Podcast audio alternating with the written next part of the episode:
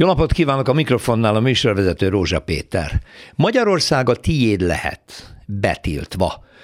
1984-ben vagyunk, amikor a pártközpont egyik bevett gyakorlata volt, hogy például a pártnak nem tetsző kiállítást vagy klubot be akartak volna zárni, akkor kiírták a kapura vagy az ajtóra, hogy csőtörés miatt átmenetileg zárva.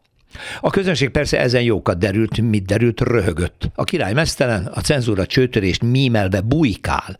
Mondtuk is, valóban itt már csak egy országos csőtörés segíthetne. A Magyarország tiéd lehet című így betiltott kiállítás a múlt rendszer paródiájaként bevonult az emlékezetünkbe, ahonnan most, mint a rugós ördög pattan vissza a jelenbe. Itt most nem klubot vagy kiállítást tiltanak be, hanem kórházi osztályokat, még ha ez csak képletes is ez a betiltás. És nem csak a magyarázat hajaz a szocialista csőtörésre, hanem maga a módszer. Figyeljék csak, amikor kiíratják az egyik megyei kórház szülészeti osztályára, hogy agregátor hiba miatt az osztály átmenetileg zárva van, tessenek átcsaszogni valamelyik másik városba, ha ott még fogadják egyáltalán a kismamákat. Nos, ilyenkor mindenki tudja, hogy az egész egy nagy hazugság. Viszont azért, mert a bezárás oka valójában nem a meghibásodott ilyen-olyan agregátor, ha csak nem annak kereszteljük a kormányt, amely nagy agregátorként felelős azért, hogy szakorvosok és szakápolók százai hagyják el a pályát. Másrészt, ha már bezár egy osztály, hamisokra hivatkozva pontosan azt teszik, mint az egypártrendszerben a cenzúra. Na ja, hogy most is, illetve már megint egy pártrendszer van, igen.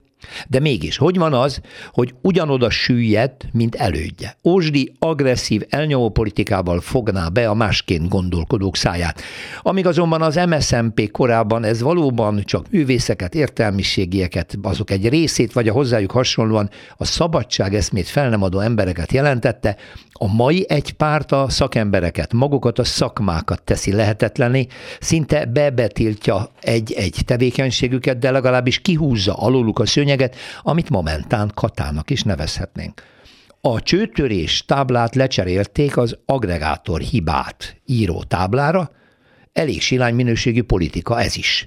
És nem csak a másik városba átirányított szülőnők fogják ezt így gondolni, hanem szerintem egyre többen. Valaki egyébként előjöhetne már egy másik agregátorral, ami országosan is megoldaná ezt a problémát.